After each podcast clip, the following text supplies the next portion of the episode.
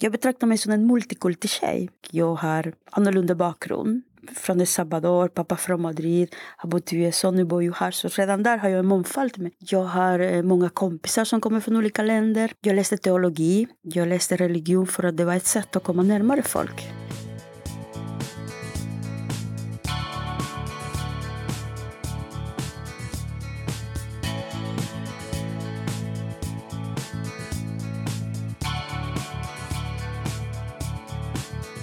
Hej och välkomna till Centerpodden, ett nytt avsnitt med en ny gäst. Och I det här avsnittet är min gäst Anna Maria Lindqvist Aroué.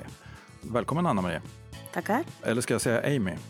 Jo, det kan du göra om du vill. Eh, mitt namn är så pass långt så min mor började kalla mig för Amy. Hon bor i USA. För att det finns aldrig plats på min legitimation. Anna Maria Lindqvist Aroué. Så jag tänkte, ja men Amy låter jättebra. Så jag jag har som nickname Amy. Så Amy Lindqvist brukar jag kallas. Amy Lindqvist, ja men ja. det är ju kortare och enklare. Ja visst. Du har en jättespännande bakgrund. Du kom hit från El Salvador. Berätta lite mer om det. Oj, det var jättelänge sedan. Jag har glömt bort. Nej, det har jag inte. Jo, det stämmer. Jag kom till Sverige för uh, ganska länge sedan. För ett litet land som ligger i Latinamerika. Det är det minsta land i Latinamerika, El Salvador. Det är ju Eh, min familj har flyttat till USA efter det. El Salvador är ett land där eh, det, man kan se så mycket fattigdom på nära håll. Där demokrati inte varit, liksom. det finns inte demokrati. Så det är stor skillnad när man kommer till Sverige och när man bor i ett så här litet land. Jag var så pass liten då men jag har varit där ibland och hälsat. Jag åker ibland dit för att hälsa på min mormor som bor kvar där. Och då märker jag att eh, jag har förändrats som person, både språket men mitt hjärta är fortfarande där. Jag är ju född där. Ja. Hur kom det sig att det blev Sverige för dig då? Jo du, det undrar jag också. Jag bodde i Tyskland några veckor men jag kände att eh, du vet att jag som lite brukar lyssna på ABBA, jag älskar snö. Där i mitt hemland det finns inte vinter och jag vet inte, det tilltalade mig. Jag tycker att Sverige var ett spännande land men jag visste ingenting om Sverige förutom musiken, ABBA. Han kallar mig för Chiquitita.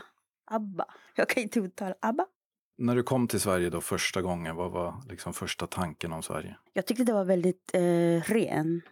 Jag tyckte det var en frisk klimat man andades in här, alltså frisk luft. Och det är något som vi kan tyvärr inte säga där. Jag kommer från en medelklassfamilj. Vi var inte jätterika där jag bodde. Vi hade ett vanligt hus. Men vi andades. Men det finns folk som andades eh, ännu mera, ja, det finns olika klasskillnader. Och då känner jag att vilket vackert land, stora byggnader. Jag blev väldigt förtjust. Jag hade varit i USA och eh, USA är jättevackert också men det är stor skillnad med Europa. Jag gillar Sverige och därför är jag kvar här. Jag älskar Sverige. Jättebra. Du, jag har försökt läsa på lite om dig förstås och jag, jag läste att i uh, i, I någon eh, tidningsartikel från eh, 2002 tror jag det var, du sa att du vill bli statsminister. oj, oj, det var så gammalt. Var, varför vill du, vill du fortfarande bli statsminister? Absolut inte. Det var så att eh, det har, du har granskat mig. Jag har ju politisk bakgrund i en annat parti. Jag ville förändra världen. Jag tyckte att det var så mycket orättvisor och jag fick möjlighet att kunna komma in i partiet och påverka. Jag satt i kommunfullmäktige, jag kandiderade till Europaparlamentet. Jag var, till, jag var med olika skolor och pratade med, tillsammans med Göran Färm. Han som är budgetansvarig i EU. Så det var en bra möjlighet. Jag kommer från ett annat land och jag ser politik som en möjlighet för att kunna driva fram sina frågor. Och jag brinner för minoritetsfrågor. Solidariteten är något som fanns i mitt hjärta och det finns fortfarande. Men efter så många år i Sverige har man förändrat. Jag blev opolitisk i många år. Jag pluggade journalistik och eh, jag kände att jag vill ha alla dörrar öppna. Så jag blev opolitisk. Absolut inget parti. Jag pratade med alla politiker. Och det känns bra. Men sen, du kanske kommer att fråga varför jag blev centerpartist. Ja, självklart. Sen för eh, nästan fyra år sedan. Jag var med i en jättetaskig bilolycka i USA. Där jag var jättenära döden. Jag skadade svanskotan, sakron. Och jag satt i rullstol. Oj, tänkte jag. Som journalist har man haft möjligheter att resa till många länder. Jag har rest till 115 länder. Både privat och göra resereportage för olika tidningar. Jag har frilansat för tidningen QX i nästan nio år. Jag frilansar för Soso magasin, jag har skrivit för Aftonbladet. Det är många tidningar. Det är jättekul men jag kände liksom att när jag satt i rullstol, jag grät och det var så någonting, jag fick sån en andra chans. Istället för att jag åkte till Ibiza och göra reportage med modeller, jag ville åka till Norge och vandra. Jag kände mig att nej, miljöfrågor är jätteviktiga för mig. Jag fick en andra chans, jag måste ta det. Man måste börja tänka mer om sin omgivning. Det, alltså det, det är viktigt det här med familjeförhållande, social utgäng.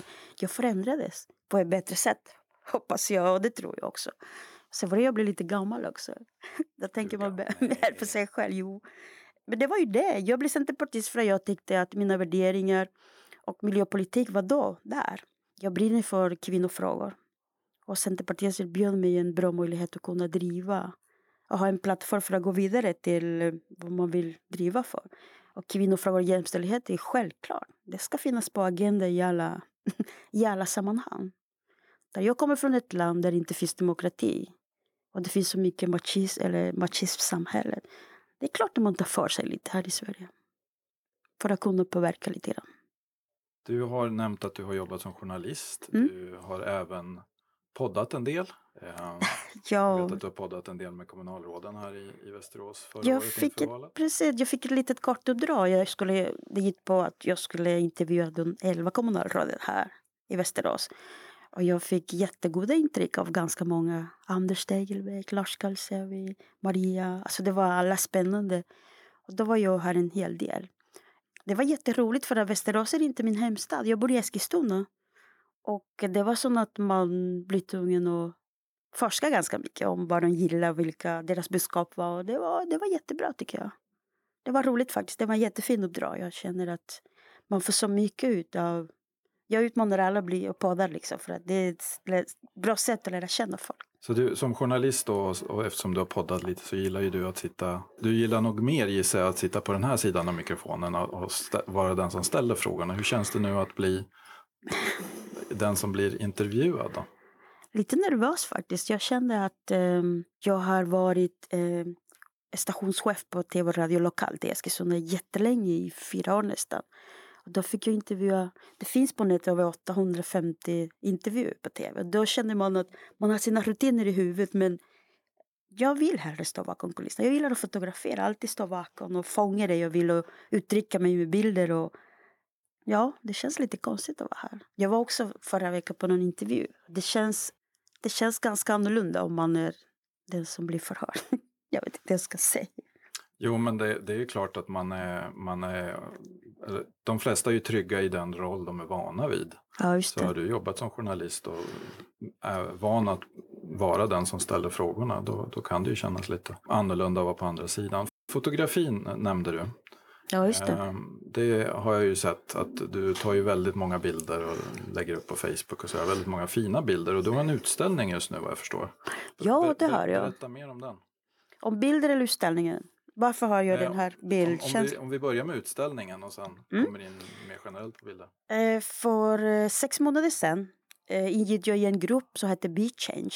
Det går ut på att eh, 39 personer från hela Sverige gick med för att eh, påverka deras eh, olika koldioxidbantar, ser man. Olika klimatvanor. Du vet, de vill ha solceller. Min uppgift där i utbildningen var att jag vill konsumera mindre. Jag är väldigt tokigt konsumist om man säger så. Jag gillar att köpa och eh, man tänker inte sig för. Och under sex månader fick jag lära mig att tänka mer klimat. Alltså plastikfri. Eh, varför ska man köpa en ny telefon när man kan betala någon som kan reparera? Jag tycker att klimat är intressant och väldigt aktuell just nu.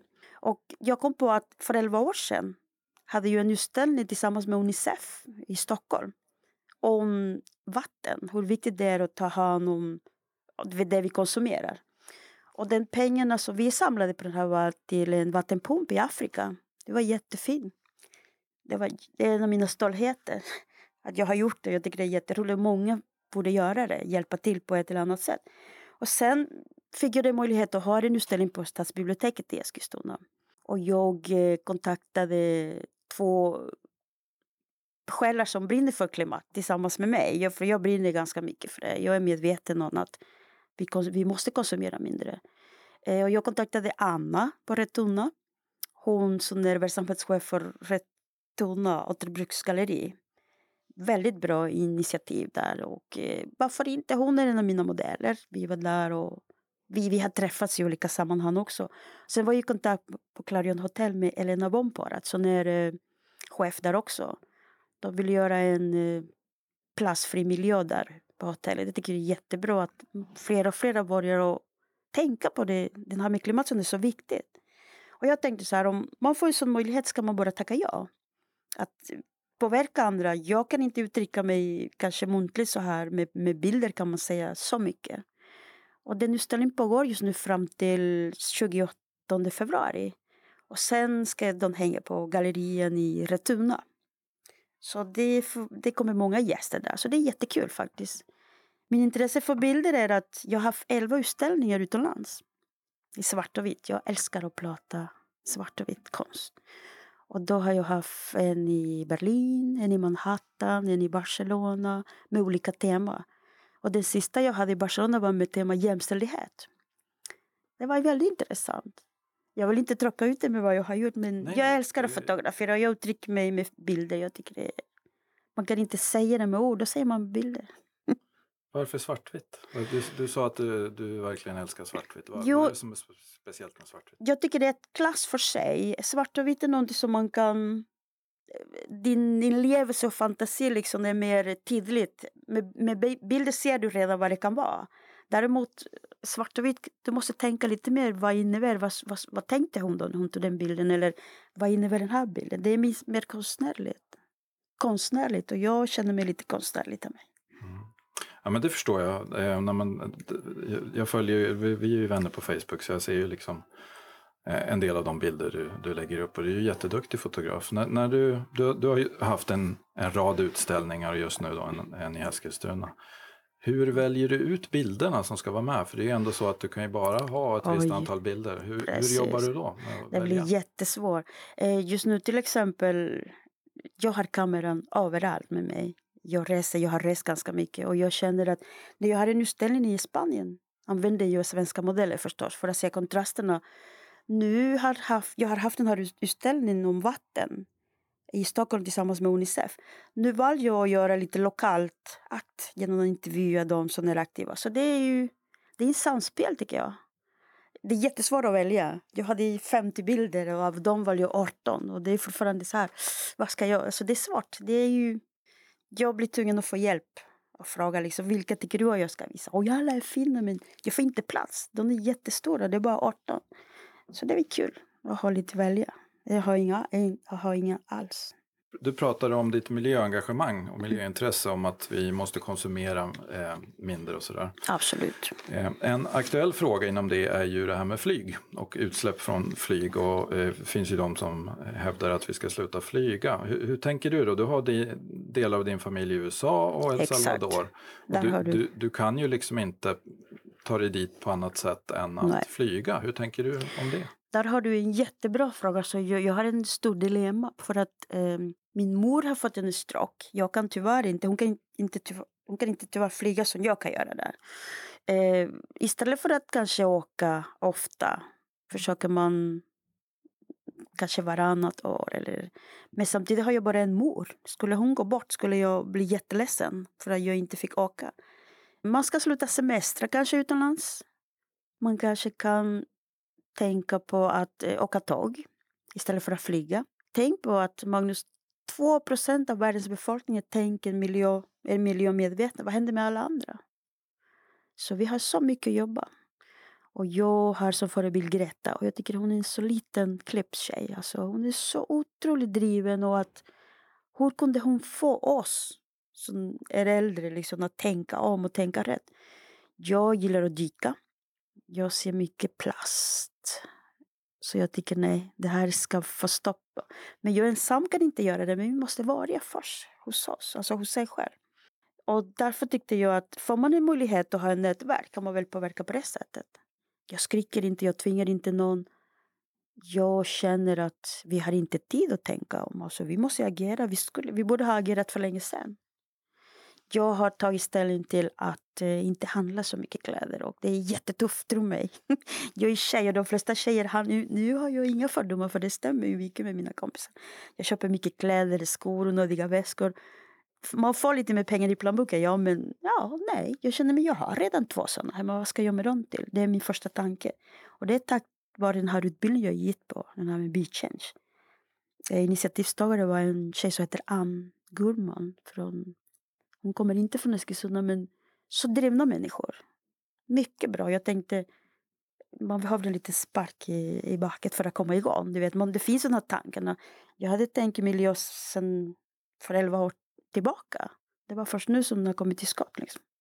Miljö är väl då en av dina hjärtefrågor inom politiken och du, du har pratat, berättat lite om hur du försöker ändra ditt eget beteende. Hur driver du frågor in, inom miljö så, där du vill påverka hur andra agerar, vi andra? Eh, som politiker eller som privatperson? Eller? Både och. Okej, okay, som politiker, eh, jag har inte kommit så långt Magnus. Jag, har, eh, jag är ganska ny i partiet. Så jag sa till dig för fyra år sedan, jag bestämde jag att jag vill komma in i Centerpartiet för att jag gillar deras gröna tankar den här landsbygden. Jag tycker att eh, vi har bara en planet och vi måste vara rädda om det. Och det var den enda parti som tilltalade mig och övertygade mig och mitt hjärta. Den här är rätt. Jag var opolitisk i flera år, som jag sa till dig. Jag tänkte, nej men vill jag påverka, vill jag göra något, vill jag ha mitt plattform genom ett parti, ett politiskt parti. Och eh, där började min engagemang i partiet. Att eh, tänka grön och jag fick lära mig jättemycket på utbildningar jag gick. Träffa folk där. Men partiet har sitt riktiga, de flesta är bönder där och det är inte jag. Jag kände oj, jag kommer ihåg det, jag kanske har berättat förut men jag måste berätta för dig. Det första gången jag kom till gruppen så någon äldre herre, jag ska inte säga något namn. Ehm, ja, jag har hört det här är bondeparti. Ja, jajamän, vad har du för traktor? sa de till mig. Och jag bara ursäkta, jag förstår inte jag hade inte ens någon cykel liksom. Jag, jag förstod inte skämtet. De bara mobbade mig. Eller de garvade åt mig att nej, men de berättade hela historien. Och jag känner, hur matchar vi in i centerpolitik när man inte är bönder? För jag är inte bönder, men jag gillar ju natur och miljö och klimat. Jag kanske där jag passar. Men bönder är jag inte. Bonde är jag inte. Det där är en jätteviktig fråga och jag har pratat med andra i tidigare avsnitt om det här också. Att jag liksom du har inte gått den ska vi säga, klassiska vägen i Centerpartiet från Nej. CUF och sen vidare Nej, verkligen inte. Men vi som, har kommit in, som kommer liksom in på andra vägar måste ju kunna känna oss lika välkomna som de som liksom har växt upp om man säger så i rörelsen. Och hur, ska, hur kan vi då som parti bli mer välkomnande till sådana som du som kommer in i partiet utan den, liksom, ja, vad ska vi säga, en citationstecken bondebakgrunden? jag, jag har gett med, med, hur säger man, jag har gett i partiet med ganska många förhoppningar om man säger så. Och nu trivs jag jättebra. Jag sitter med i styrelsen, jag sitter med i styrgruppen. Jag, har, jag är ledamot för, funktion, för Funktionshinderrådet. Jag är ersättare för valnämnden. Jag brinner för minoritetsfrågor så jag har en bra mentorskap. Jag är vice ordförande för Centerkvinnorna. Och jag känner, vill man göra något, visar man vad man går för. Och där, på den sidan kan man väl äh, arbeta sig framåt om man säger så. Jag, ty jag tycker att Centerpartiet är en jättebra alltså, plattform för att man kan ta sin budskap. Jag har hunnit driva några kampanjer genom Centerkvinnorna. Då ser man att folk, jag är en bra nätverkare. Varför kan inte vi kan sprida vårt budskap bland andra? Alla mina vänner är inte Centerpartiet, eh, centerpartister. De, jag har en jättebred bakgrund. Från olika partier, från fackförbundet, från hbtq-människor, från... Oh, det är så många. Alltså, jag vill att de ska se det bästa vi här.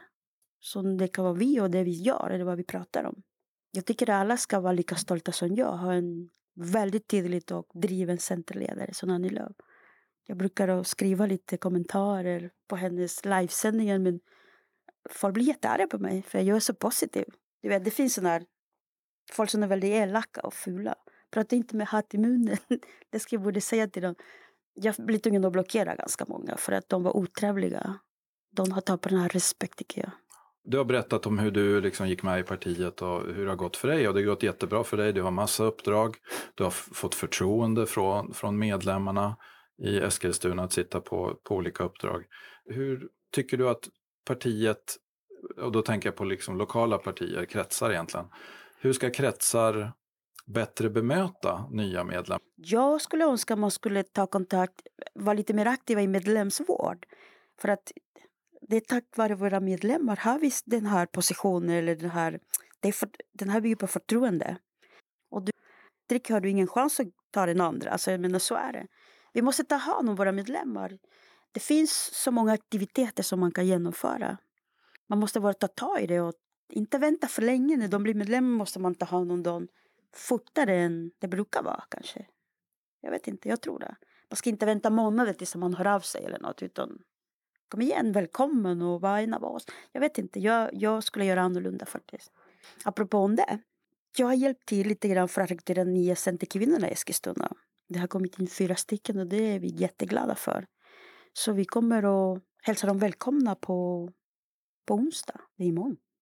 Tiden går fort. På onsdag. Och jag ser fram emot för att jag vill ha flera, jag vet, en kraftfull jämställdhet, kvinnor i Eskilstuna. Kvinnofrågor är jätteviktiga.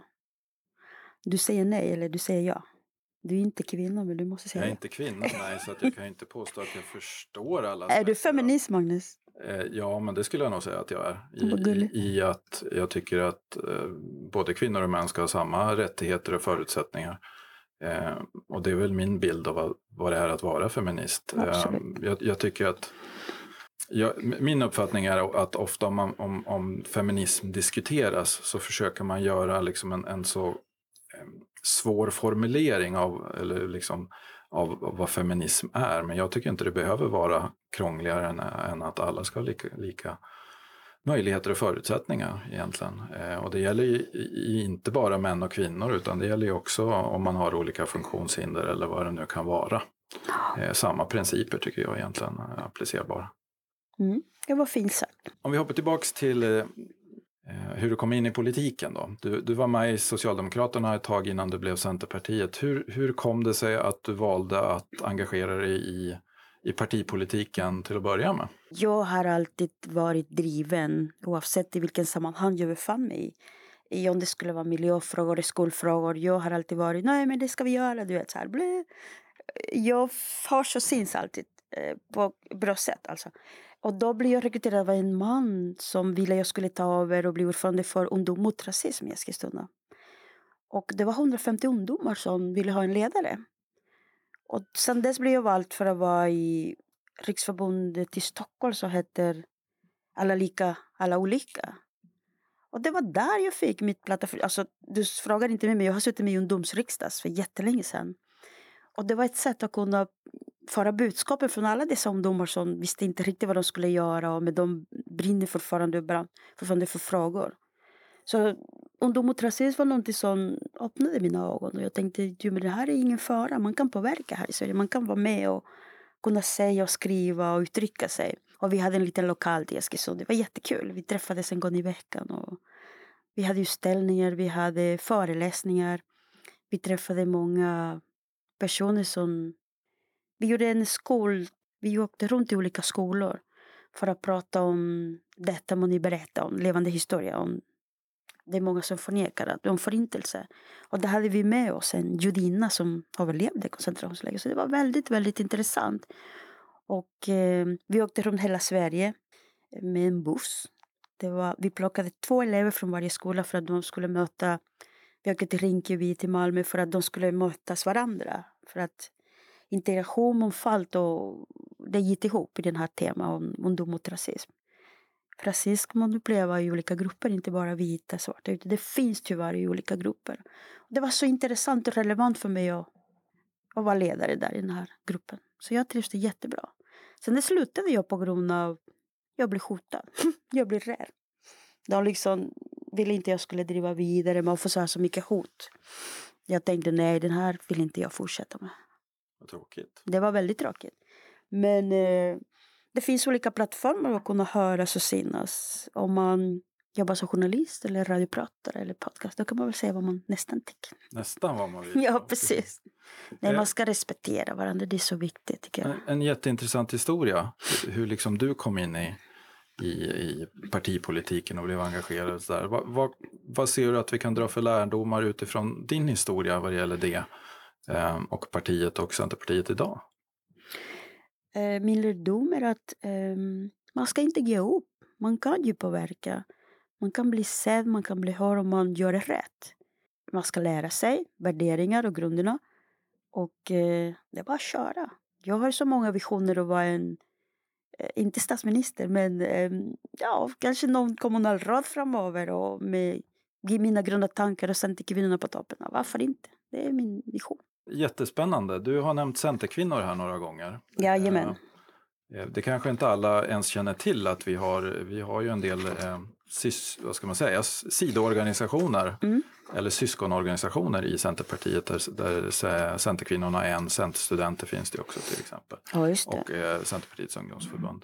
Eh, men berätta lite om Centerkvinnorna, vad, vad driver ni för frågor? Centerkvinnor är en liberal feminist eh, grupp eller organisation där vi, jag säger vi för jag känner mig så engagerad i det också.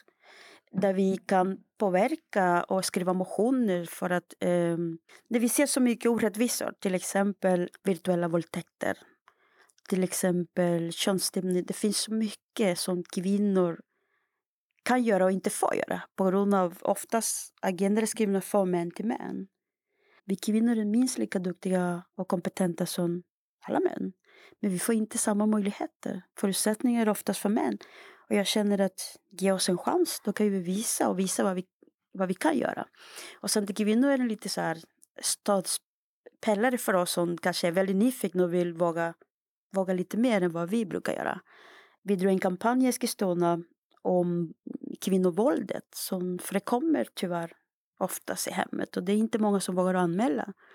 Det är så många saker som det finns som man borde göra, som man inte gör. Det finns till exempel hedersmord och hedersvåld. Alltså det är något som ska inte förekomma i det här landet som är så fint. Men det finns. Så vi har så mycket att jobba för. Och Sverige ligger bra till men vi är inte där än. Vi måste jobba ännu mer. Vad, eh, om vi pratar lite om, om framtiden då. Tidigare hade du ju sagt eh, att du skulle bli statsminister men det, det, är, inte riktigt må, det är inte riktigt målet längre. Men eh, vad, vad ser du som ditt mål då inom politiken? Vart, vart vill du komma? Vart vill Amy komma inom politiken? Jag vill komma hur långt som helst om man får en möjlighet men man måste ju förbereda sig förstås. Så jag sa till dig, jag kände mig ganska ny i Centerpartiet. Jag hade erfarenhet från mina andra politiska världar, från den andra partiet, men det är olika. Det är väldigt olika. I socialdemokrati börjar man kanske uppifrån. Och i Centerpartiet bör man börja underifrån. Och det är det som jag missuppfattade förut. Jag körde samma som jag trodde det var. Och alla partier har sina riktlinjer och alltså, det är olika. Det som jag tar med mig från Centerpartiet som jag gillar jättemycket, jag är väldigt stolt över att vara centerpartist. Jag berättar och skriker ofta som du ser på Facebook och överallt. Så jag tycker att att förstärka varumärke om Centerpartiet ska man inte skämmas för. Särskilt nu när vi har vunnit ganska mycket. I Eskilstuna är vi i majoriteten. Jag tycker det är jättebra. Eh, det funkar, det är bra samarbete. Men det finns i andra kommuner som inte har vi fått samma möjlighet. Därför jag känner att um, det finns så mycket som vi kan jobba för. Så jag sa jag brinner för klimatfrågor i Centerpartiet. Det skulle jag vilja driva. Jag skulle vilja lära mig mer om kvinnofrågor.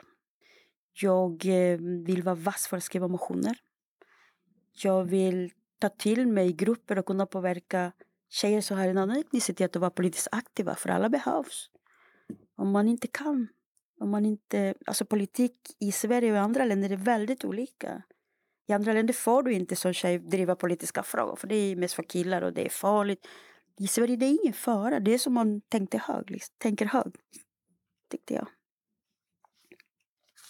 Du har ju gått igenom en, en eh, resa vad det gäller att engagera dig politiskt och välja också liksom vilket parti du, ska, du landar i.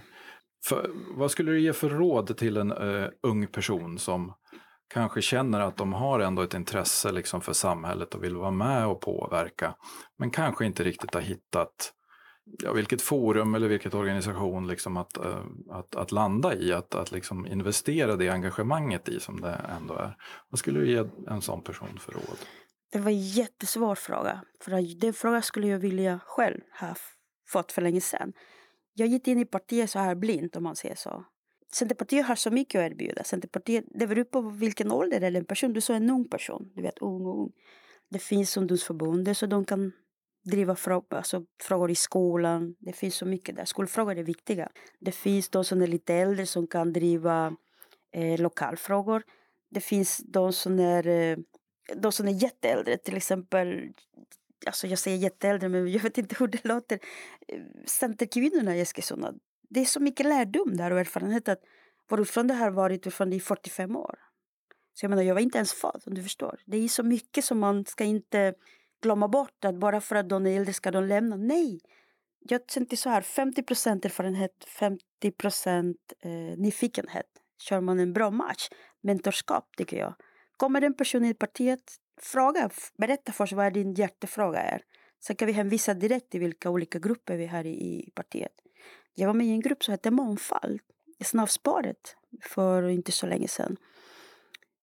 Jag visste inte att det var så många utlänningar runt landet som var väldigt aktiva och intressanta. De har bra positioner nu i partiet. Jag lärde mig att eh, även vi kan tillföra något bra i samhället. Vi är en jättestor grupp. Jag tror det var Abir och Banar som var ledare. Jag kunde tyvärr inte delta i andra gånger för att jag hade en väldigt taskig arbetsgivare då jag fick inte tillstånd att åka på det. Det var tråkigt. Det var, jag hade en arbetsgivare som inte var så politiskt avsedd. Tyvärr är det väl så att i Centerpartiet är vi inte så bra på att visa mångfald på våra listor och valda ledamöter och kandidater och så vidare.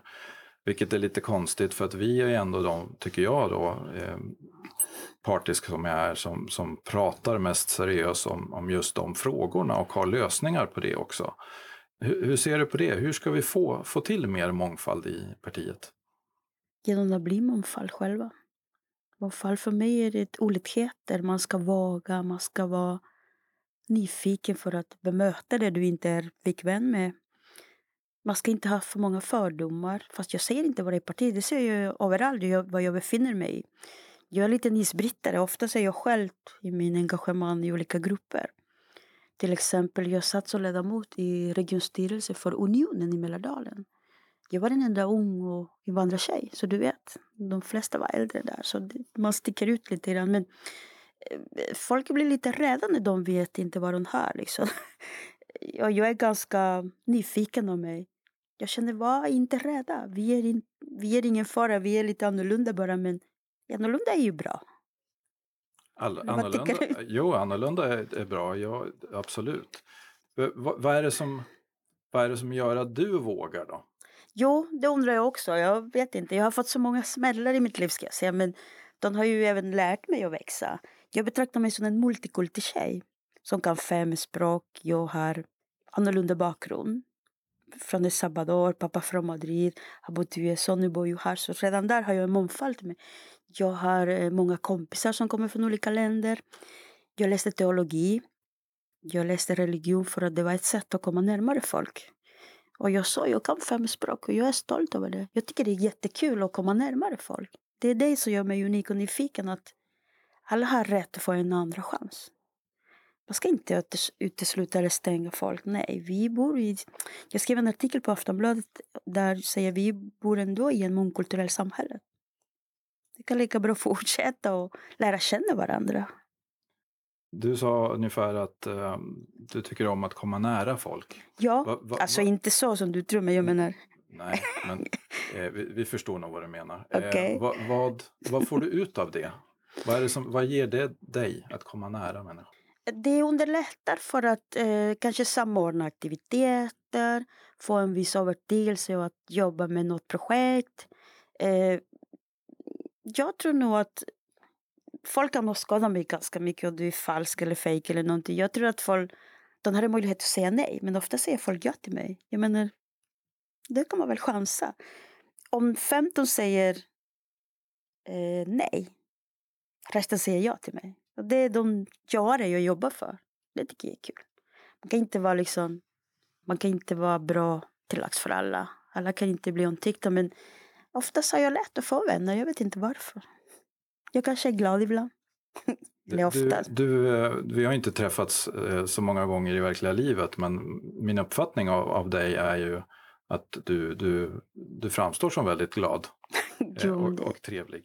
Eh, Du sa här nyss att du är en isbrytare. Mhm. Eh, Det kopplar jag till en sak som jag läste i en, annan artikel om dig. Du sa där att jag är typen som gillar att diskutera och vara med och påverka, skrev du. Det, det, Ja men det är jag. eh, Efter vårt samtal här nu så, så verkar ju det passa väldigt väl på dig. Jo men det stämmer. Jag, jag, jag sa till dig, ofta säger jag Folk vågar inte ta frågor. Varför? Vad är, vad är rädsla?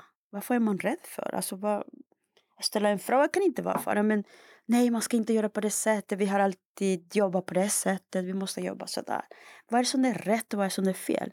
Så länge du visar respekt för andra. Så länge du inte kommer för långt andra och kanske kränker deras revir. Då är det okej att ställa frågor och komma närmare tycker jag. Ehm, Jag, jag får uppfattningen av att du är väldigt modig. Att, att, Ibland att, ju. att, du, du vågar liksom Eh, ställa frågor, du vågar möta människor. Finns det något i det där som eh, går ända tillbaks som du har med dig från El Salvador? Faktiskt inte. Jag var ju en liten flicka där. Jag var väldigt bortskämd. Jag är inst från min familj. Alla är stora och det... Jag var ganska bortskämd. Däremot när man kommer till ett land där inte familjen följer med. Då, det var då började man mogna och ta liksom ansvar för sitt liv. Jag tog ansvar för mitt liv alldeles för tidigt. Jag ska berätta en liten kort anekdot för dig. Där jag var väldigt modig. Där jag har ännu den här lärdom i mig. Det är så att jag fick möjlighet att intervjua påven för jättelänge sedan. Och jag berättade tidigare för dig att jag har läst teologi. Teologi, du vet vad det är. Det är en dogma. Det är väldigt, du, är ju- du är kyrkligt ju, du vet. Och då ställde jag frågan till påven, bland mina frågor. Jag fick en jättebra upplevelse med honom. Varför hade Eva navel? Frågade jag till honom. Han kunde inte svara. Och jag tänkte säga, okej. Mm, redan där. Förstår du frågan? Ja, jag tror det, men förklara för dem, för våra lyssnare också. Enligt kristendom, vi är skapade av Adam och Eva, räddben. Och om Eva hade navel betyder att hon har haft andra förhållanden förut. Då faller den här kristendomläran som vi de flesta har läst när man var små. I alla fall till tredje världen. Eller du vet, u-länderna som tror ganska mycket. Och då kunde han inte svara. Och jag tänkte så här, om en så här stor ledare kunde inte svara på mina frågor. Vem ska jag vända mig då? Ingen är perfekt men jag menar vi har läst så mycket. Desto mer jag läser mer nyfiken blir jag. Och det där gör mig modig att jag vågar. Jag tror inte att någon annan har vågat att göra det, ställa den frågan. Aldrig. Just för respekt, just för att de får inte. Jag fick, jag gjorde det. Då Fast vet jag fick inte svar. Då vet jag, du, du säger att du, du, du tror inte att du ska bli statsminister längre, men då, du ska bli påve. Nej, och just det. Har du läst boken Påven Johanna? Nej, det tror jag inte. Du har läst den? Du ska se, den är jättebra. Påven Johanna. Det, tänk, det skulle vara bra om det skulle vara första kvinnliga påven. Eller vad kallar man, vad kallar man det? Kvinnliga påven. Okej, ska vi börja avrunda vårt samtal? Är det något annat du vill eh, få med här som vi inte har? Oj, oj, oj, det finns så mycket. Men ställ du frågor. Jag vet Men- inte. men Jag då- kan stå här och prata i två dagar. Du får bara breaka. Det, det tror jag säkert. Eh, men då tänker jag så här att vi börjar avrunda och jag ställer ju två frågor till alla de jag pratar med till, på slutet här. Och, och eh, den, den första av dem är ju om, om du skulle lyssna på ett framtida avsnitt av Centerpodden och jag pratar med någon centerpartist från någonstans i Sverige. Vad skulle du, är det något speciellt som du skulle vilja höra mig eller höra oss prata om i det då? Jag vill att du intervjuar Annie Lööf. Hon är en stjärna. Inte bara för att hon är mamma och vår eh, gruppledare utan för hon driver oss yngre och kvinnor och, och vågar stå på. Och henne skulle jag vilja lyssna. Vad gör hon själv för att orka med allt som hon måste stå upp med? Det skulle jag vilja veta. Förstår du vilken energi? Hon kanske inte orkar. Eller hon kanske orkar mer än vad man tror. Eller det jag ser är att hon är nonstop. Hon brinner för ganska mycket och det driver mig. Alltså, förstår du vad kul? Mm. Men jag menar, är det sant? Eller bara, det skulle jag vilja veta. Mm. Den andra är att jag skulle vilja intervjua dig själv. Jag vill höra Spännande. dig och din budskap.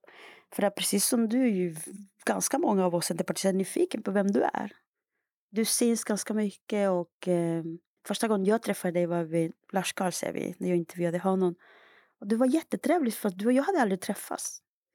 Och du har varit i Centerpartiet kanske lika långt som mig. Så det finns några frågor som vi har gemensamma men det vore trevligt att veta lite mer om dig.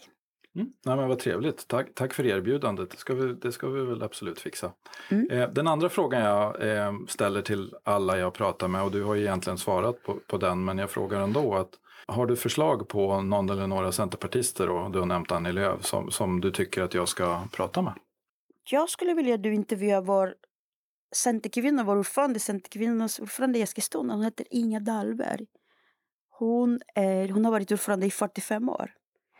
Hon visade mig en gång hur de jobbade med kvinnor, centerkvinnofrågor. Förstår du? För 40, 45 år sedan. Och hon visade några vykort och hur de satt och åt glass. Alltså det är någonting som det berikar mig. Förstår du? Det känns som att man eh, går tillbaka till en viss tid och försöker och tiden, det har förändrat jättemycket. Den erfarenheten är jag väldigt sugen på att lyssna. Och jag hoppas alla andra centerkvinnor också vill lyssna på det. Hoppas hon vill. ja, nej, men jag tar med mig det. Jättebra. Tack, tack så jättemycket för det. Det har varit ett jätteintressant eh, samtal Amy om, om högt och lågt och alla möjliga olika saker. Jag, jag hoppas att den som lyssnar har lärt känna dig lite bättre eh, och förstå ditt engagemang i, liksom i Centerpartiet och i, i de frågor som ligger dig varmt om hjärtat. Så eh, jättestort tack till dig Amy. Tack så jättemycket för att jag blev bjuden hit. Och, och tack till dig som har lyssnat också. Det kommer nya avsnitt snart. Tack och hej!